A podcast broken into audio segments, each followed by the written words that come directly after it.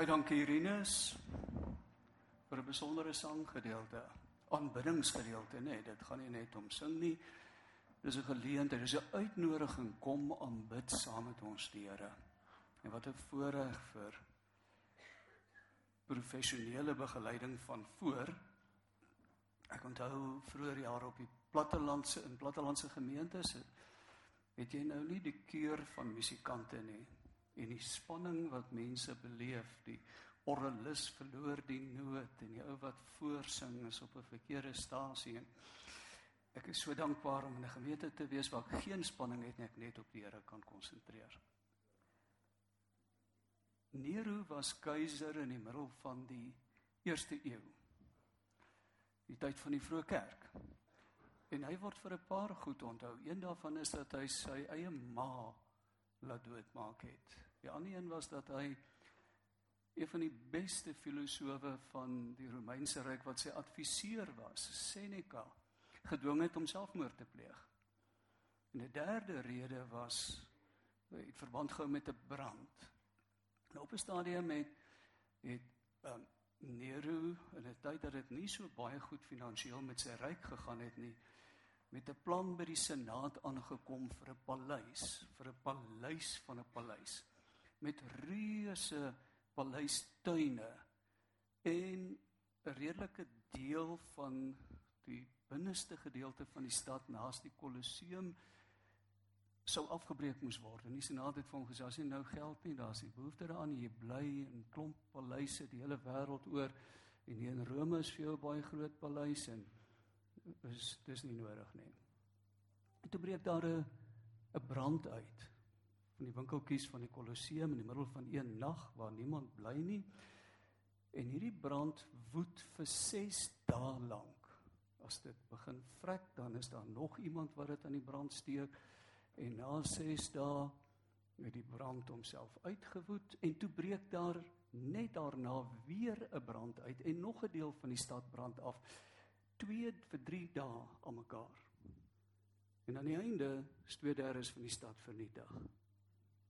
En die senaat het 2 en 2 bymekaar opgetel en toe nou nie by 5 uitgekom nie. En gewonder is Nero nie agter dit nie want Nero was veilig in paleis een van die baie so 30 km in die berge waar dit koeler was in die winter en in, in die somer.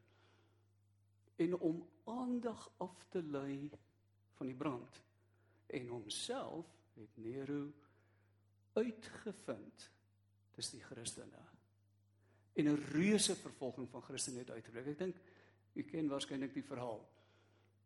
Een van die slagoffers was Petrus. Petrus was baie een van die mees prominente leiers onder die Christene.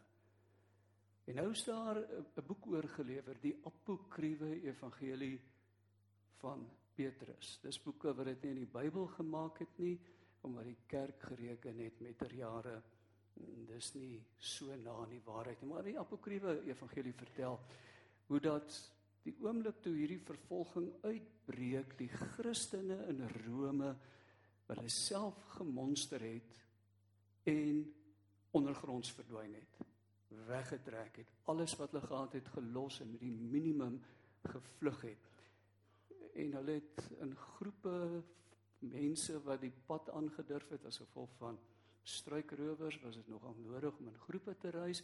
Petrus was in so 'n groep op pad uit op die Via Appia, die baie bekende hoofweg. En nou vertel hierdie boek op die pad loop Petrus Jesus raak. En Jesus dra kruis. En Petrus herken Jesus en vra Quo vadis, Here, die bekende woorde, Latynse woorde, waarheen is u op pad, Here? En die Here sê vir hom op pad na Rome om gekruisig te word sodat die woord van die evangelie uitgedra kan word. Ek dink jy verstaan waaroor die storie gaan. Petrus het omgedraai teruggegaan en toe hy gefonnis word om gekruisig te word, vertel die evangelie het hy gevra hy verdien nie om so sy koning die enigste koning wat hy kan bely gekruisig te word, hy wil onderste bo gekruisig word. Want dis ook wanneer ons ly dat ons getuienis uitdra. Fase 1 van die preek, hou moed, ons is nou nou by fase 3. Ons het baie bly vir Frik en Sonja wat vanmôre saam met ons in die kerk is, vriende oor baie jare. Dis gaaf dat hulle hier is. Ek sluit aan by Rinus wat die laaste twee Sondae dink ek 'n pyp pyp boodskappe gebring het. Ek dink baie mense het baie daarby gevind. Ons verskillende elemente in gebed en deur elkeen op elkeen van hierdie elemente te konsentreer, um, kan 'n mens jou gebedstyd selfs baie meer sinvol inruim. Keer dat jy oor en oor dieselfde goed doen en dieselfde goed sê. Maar ek wil vanoggend 'n bietjie van 'n ander hoek vat, ook rondom gebed.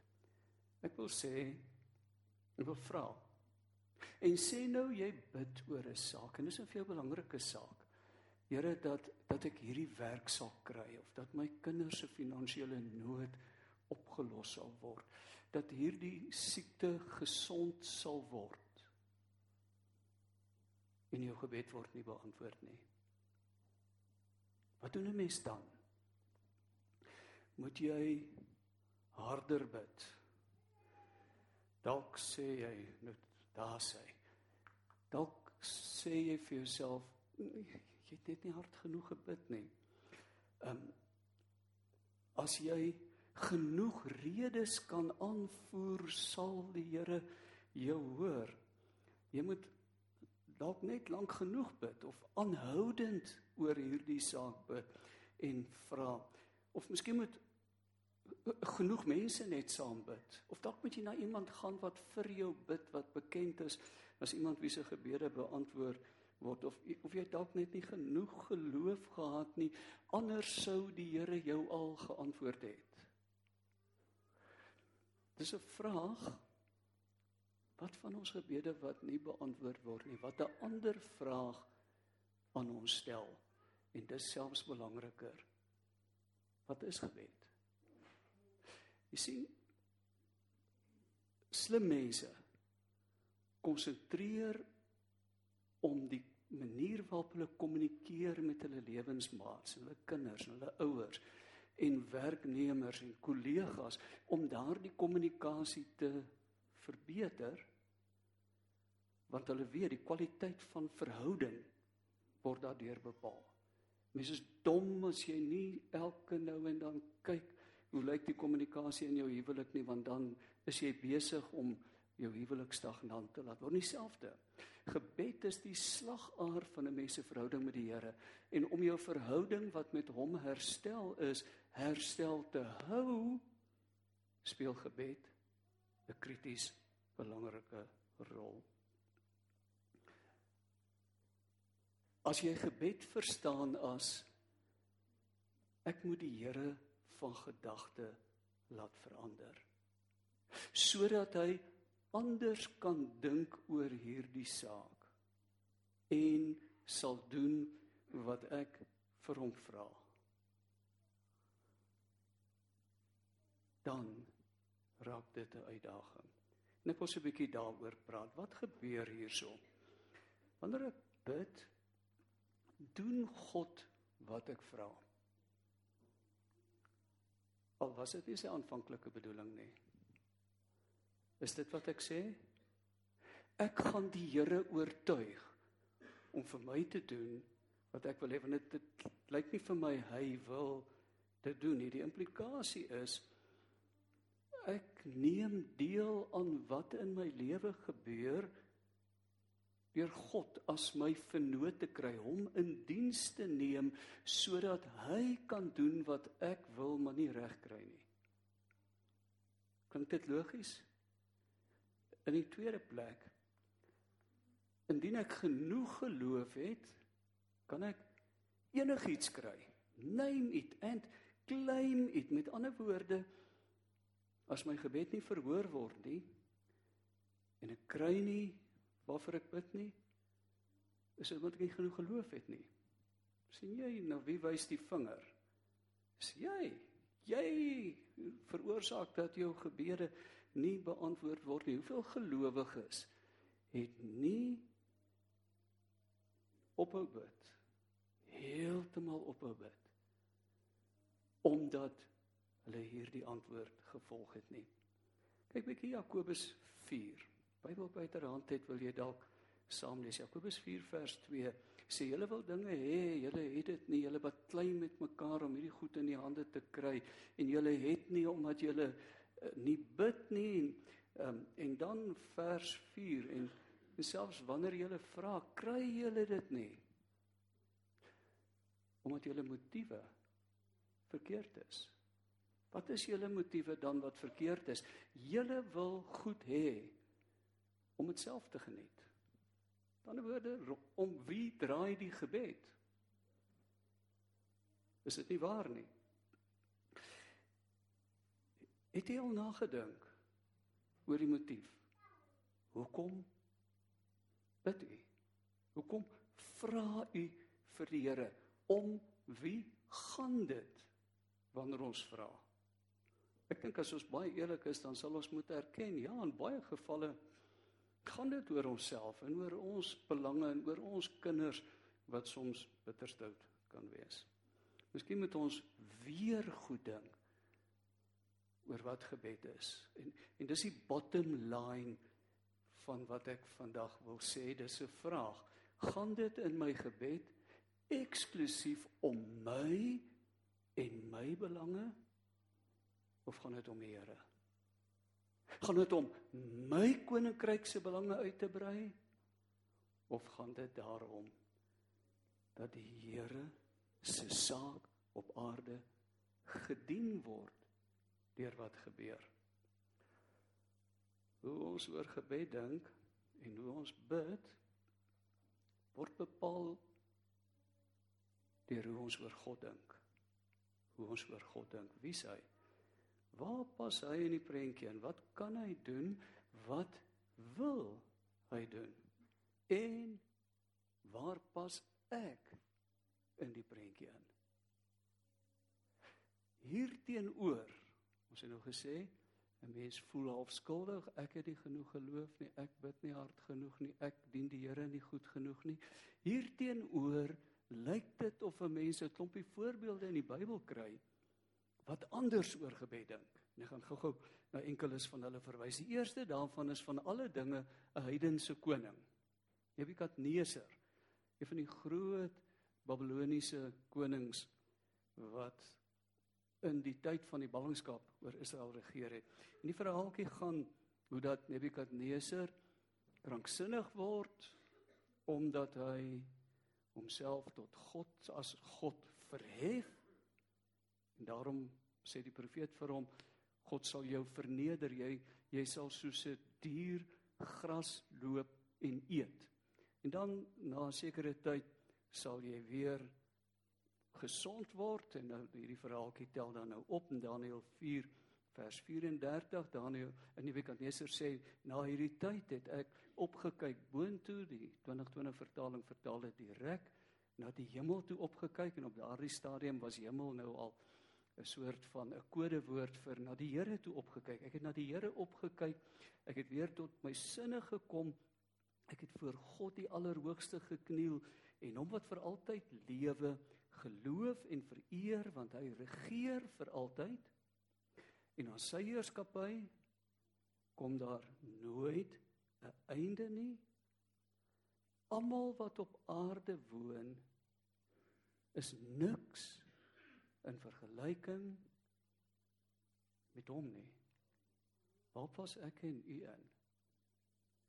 En dan vers 35. Hy maak soos hy wil. Met die inwoners van die hemel en die wat op die aarde woon, niemand kan hom teëgaan nie. Niemand kan vir hom sê wat doen jy nie? Want God is God. Beleef Nebukadneser in daardie omstandighede. 'n bietjie later is dit Paulus wat in Efesiërs 1 aan die woord is en en hy praat van Christus wat ons verlos het deur die bloed wat hy vir ons gestort het, ons oortredings is vergewe En deur wat hy vir ons gedoen het, het ons deel van sy erfdeel geword. Ons was vooraf daartoe bestem. Dit was God se wil. En dan hierdie woorde. Hy het alles laat uitwerk soos hy dit beplan en wou gehad het. Die gevolg en hier's die belangrike woorde. Ons moet hierdie woorde net so rukkie op die bord hou asseblief. Die woorde die gevolg is wanneer God alles uitwerk soos hy dit beplan en soos hy dit wil hê dat sy grootheid deur ons bestaan verheerlik word. Ek dink wanneer ons dink oor God en oor gebed, is dit die plek waar 'n kind van die Here moet begin. Ek pas hier in die prentjie in. Dis waarvoor die Here my op aarde geplaas het en wat ek nog steeds hier doen. Ek is hier om God se grootheid deur my bestaan te verheerlik. En wanneer ek dan bid en vra, dan doen ek dit vanuit hierdie perspektief. Daarom is die regte vraag nie kan God my kind gesond maak? Kan hy vir my werk gee? Kan hy vir my onderneem of vir my 'n meer gemaklike werkgewer voorsien? Ook nie wanneer sal hy dit doen nie, maar wil hy? Pas dit in sy plan? Het jy al daaroor gedink? Dit wat in my lewe skeefloop wat ek so graag verander wil hê, is dit nie dalk deel van God se plan nie? Is dit nie deel van die manier waarop hy sy grootheid aan hierdie wêreld openbaar nie. Hy wat alles laat uitwerk, het ons nou net gelees soos hy wil. Hoe min verstaan ons as mense van sy groot plan met die heelal en ons verstaan nie eers die heelal nie so groot is dit maar die plan wat hy daarmee het en die plan wat hy met hierdie ou klein planeetjie het en met mense op hierdie planeet. Gebed is om op die plek te kom waar ek sê Here, ek het nodig dat U vir my vertroue gee. Dat ek U sal vertrou dat U weet waarheen U met die heelal op pad is en ook met die ou klein mensie. Waar ek in U plan inpas. Dis die hart van gebed om op die plek te kom waar ek verby vra sê Here ek vertrou U. Waar U lei volg ek gewillig. Wanneer ek dink my gebede is daar om God te beweeg om te doen wat ek gedoen wil hê met daardie gesindheid bid dan is ek die een wat soewerein is. Soewerein beteken om geheel en al onafhanklik te funksioneer. Niks van enige iemand nodig te hê nie. Kinders van die Here, ons bely God en God alleen is soewerein. Maak nie saak hoeveel geloof ek aan die dag lê of hoeveel of hoe lank of hoe aanhoudend ek bid of hoeveel goeie redes ek aanvoer nie Here wat u besluit is wat ek wil hê ek onderwerp my aan u wil dis die regte en die beste wat ooit in my lewe kan gebeur ek vertrou u Hoekom sal ons dan nog enigsins bid? Moet ons net maar net sê Here, dis my omstandighede en, en ek vertrou U nie. Nee, daar's 'n verdere rede met hoekom ons moet bid en en dis ons by die eintlike kern van die saak. Ek gaan gou-gou twee redes noem. Ek bid omdat ek 'n kind is wat my Vader vertrou, hy weet die beste. En wat belangrik is is dat ek in lyn kom met wat hy wil hê. Met wat vir hom belangrik. Ek verstaan so min van u pad. Wil u nie dit vir my openbaar sodat ek Here in plaas daarvan u teenstander dalk word deurdat ek in 'n ander koers wil gaan as wat u wil hê ek moet gaan dat ek u medewerker sal word? Wys my net genoeg van die prentjie sodat ek heel hartig agter u aangaan en my onderwerp aan wat u wil. En dan is daar die tweede saak wanneer gebed nie beantwoord word nie word ek nie moedeloos nie. Nee, dis dan dat ek op die Here my vertroue gaan plaas. Ek vra soos 'n kind en die kind vra soms vir 'n rooi fiets om op die snelweg te ry en die pa sê en die ma sê nee, jy kan nie 'n fiets kry nie. Dit is heeltemal te lief vir jou om vir jou 'n fiets te gee. Feit is ons wil soms hê en on, dis vir ons baie belangrik Here dat u dit sal doen. Ek sal enigiets vir u gee of doen as u net dit vir my sal doen. Lewe het my geleer die Here vat soms 'n mens se kinders op 'n pad wat jy nie graag sou wou hê nie. Maar as jy eendag agterna terugkyk, sien jy die hand van die Here was steeds in beheer selfs van die stukkendheid wat daaruit voortgevloei het. Het jy al daaraan gedink? Wat sou gebeur as Jesus in Getsemane aangedring het om sy eie kop te volg? Dis wat ek wil. Ek sien nie kans vir hierdie beker nie. Ek loop nie hierdie pad nie. Die pad van lyding het vir ons die pad van oorwinning geword. En soms is dit die pad van lyding in 'n kind van die Here se lewe wat die enigste oorwinningspad kan aankondig. En natuurlik mag 'n kind vra vra as vry, maar ons gee nie vir ons kinders alles wat hulle wil hê nie, want ons moet hulle ook teen hulle self beskerm en ons moet ook ander mense teen hulle beskerm en soms moet ons vir hulle sê ja, maar nie nou nie. Of ander kere ek sou baie graag wou, maar dis nie tot jou beswil nie. Kom ons leer om oor gebed te dink in terme van vertroue op God. En ek dink 'n mens sou kon leer en, en dis aan die laaste voorbeeld wat ek aanhaal by eh, van Daniël se drie vriende, by hulle gaan leer.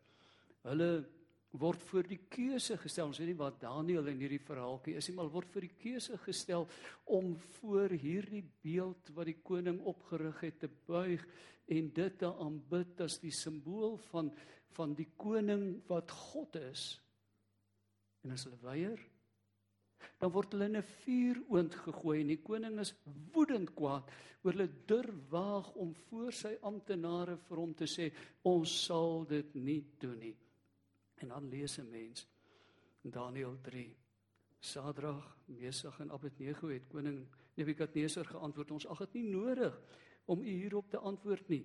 En dan hierdie woorde die God wat ons aanbid kan ons uit die vuur red. Hy sal ons uit die mag bevry, u majesteit. En selfs al red hy ons nie, u majesteit, sal ons nie gode vereer nie. Ons sal nie die goue beeld wat u gemaak het aanbid nie. Egte gebed is om te sê, Here, dis wat ek wil. Belangriker. Wat wil u? Want ek vertrou u. In praktyk is dit waarskynlik baie keer dat ek oor 'n saak bid en op 'n plek kom waar ek sê Here, U antwoord nie. Wat wil U vir my sê? Wys my sodat ek medewerker kan wees om te gaan waar U my lei. En dus, dis die vrede, die gemoedsrus wat gebed bring. Nie dat jy jou sin kry omdat God gee wat jy vra en doen wat jy wil hê nie. Maar deur dat jy glo en ervaar, gebed berei jou voor sodat jy deel van God se wil en plan word. Kan ons vir die wat graag wil. Dit 'n afspraak as 'n afspraak met die Here beskou om vir 'n paar oomblikke met hom te praat te verwoord wat ons vanmôre moontlik van die Here gehoor het sodat ons daardie waarhede kan internaliseer wat die skrif ons leer. Want ek dink in baie gevalle wil die skrif deur gebed juis ons selfsug aanspreek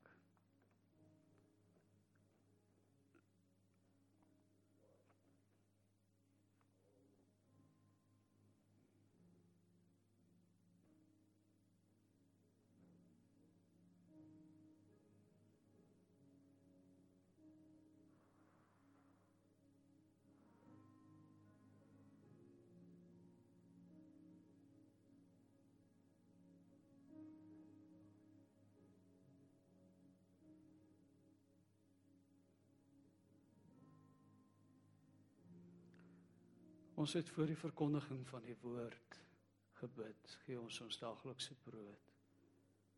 Dankie dat daar ook vandag die geleentheid was om woorde brood wat uit die hemel kom, uit u mond kom te eet.